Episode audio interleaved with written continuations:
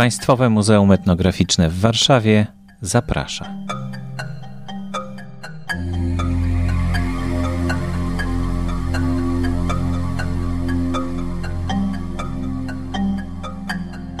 Witam Państwa bardzo serdecznie. Nazywam się Bratek Robotycki.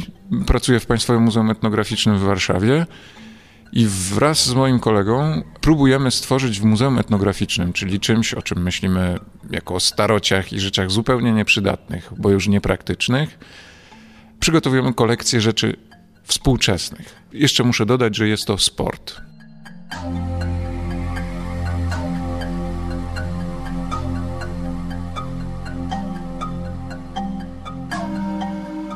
Mam przed sobą akurat dwie deskorolki, które pozyskałem od moich znajomych. Deskorolki to też dużo powiedziane. Są to same deki ze względu na to, że traki, czyli kółka i ta oś, na której kółka są zawieszone, jest to bardzo cenna rzecz. Dlatego też ci użytkownicy deskorolek oddali mi tylko swoje deki, stare i zużyte. Dlaczego mówię, że stare i zużyte? Ze względu na to właśnie, że to jest charakter etnografii. My zbieramy przedmioty, które są czymś naznaczone. I najczęściej te przedmioty są naznaczone użytkowaniem i czasem zepsute, czasem nie. Obok nich leżą też buty, które świadczą o tym, że buty to jest druga najistotniejsza rzecz dla deskorolkarza. Buty są zniszczone, to jedno, a dwa wielokrotnie naprawiane najczęściej. No i oczywiście widać, czy deskorolkarz jest regular, czy goofy, czyli czy jest prawą, czy lewą nogą do przodu no to już jest e, sprawa, prawda, naszego, naszego ciała i tego, jak i naszej koordynacji ruchowej.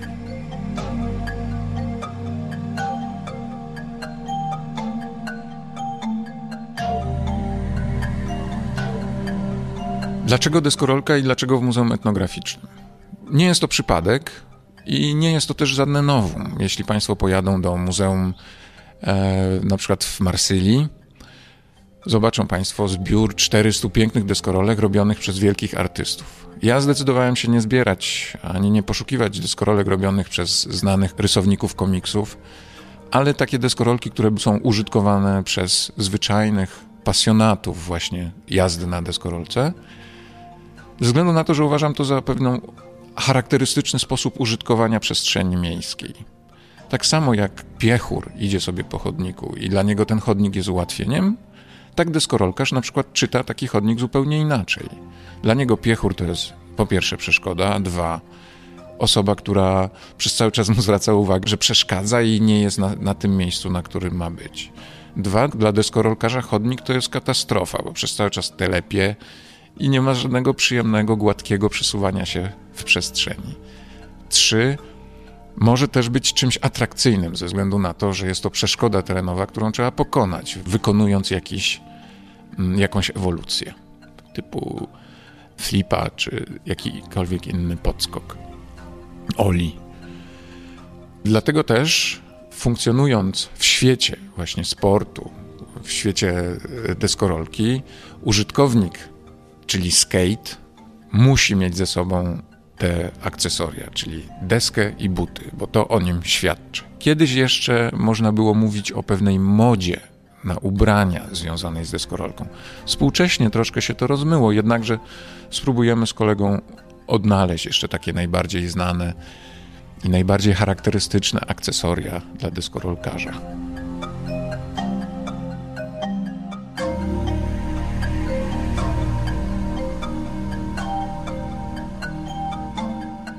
Nie otworzyliśmy jeszcze konkretnej kolekcji takich obiektów. Na razie jest to próba nie to, że przekształcania, ani wywracania muzeum w stronę właśnie zupełnej współczesności, ale tak, chcemy stworzyć kolekcję współczesności. Te deskorolki jeszcze nie są wpisane do inwentarza, czyli nie są obiektami muzealnymi, ale bardzo byśmy na przykład e, byli zadowoleni, gdyby Państwo, użytkownicy właśnie takich przedmiotów, jak rolki, deskorolka lub, nie wiem, buty, w których Państwo uprawiają parkour, czy, czy zośki, i wszelkie inne przedmioty, które są związane z tak zwanymi sportami miejskimi, przynieśli do nas i my moglibyśmy je opisać i dodać do tego i zaopatrzyć te obiekty w państwa historię. Z tym nie będzie żadnego problemu, żebyśmy mogli je przyjąć, ze względu na to, że podpisujemy z państwem umowę, witamy się grzecznie i rozstajemy się też w przyjaźni i, i mam nadzieję, że w najbliższym czasie też zaprosimy państwa na wystawę tychże obiektów.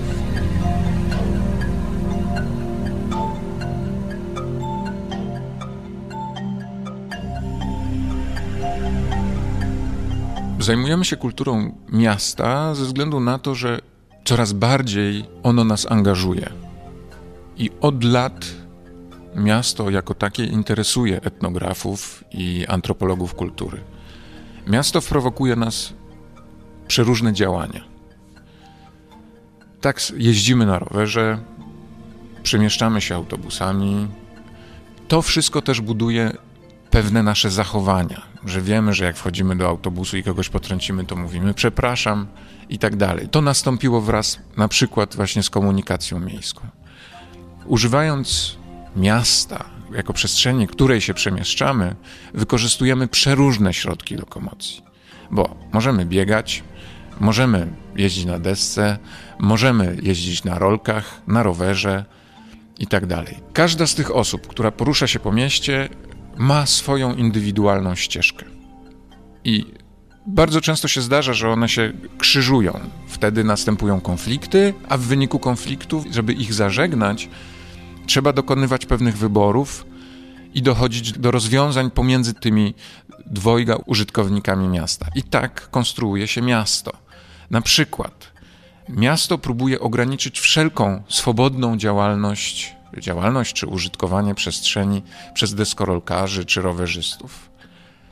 Równocześnie przez cały czas konstruując dla nich przeszkody. Niech sobie Państwo wyobrażą, że e, nowe stacje metra na metro Świętokrzyska są wykorzystywane przez deskorolkarzy ze względu na to, że mają bardzo przyjemny, przyjemne nachylenie ściany do tego, żeby zrobić na niej jakąś ewolucję. No ale podejrzewam, że za jakiś czas staną tam płotki, które uniemożliwią robienie tychże ewolucji, bo władze miejskie stwierdzą, że deskorolkarz niszczy jakąś przestrzeń. Identyczna sytuacja jest, nie wiem czy Państwo mm, kojarzą na przykład murki na placu Grzybowskim, gdzie są stawione pomiędzy bardzo fajne kamienne płyty, tak zwane, nazwijmy to stopery, właśnie, które uniemożliwiają ślizganie się deskorolkarzowi na po, po tych murkach. Więc pomyślmy o tym, czy miasto musi być aż tak opresyjne wobec deskorolkarzy i wszelkich innych uczestników w gruncie rzeczy miejskiego życia. Dziękuję bardzo.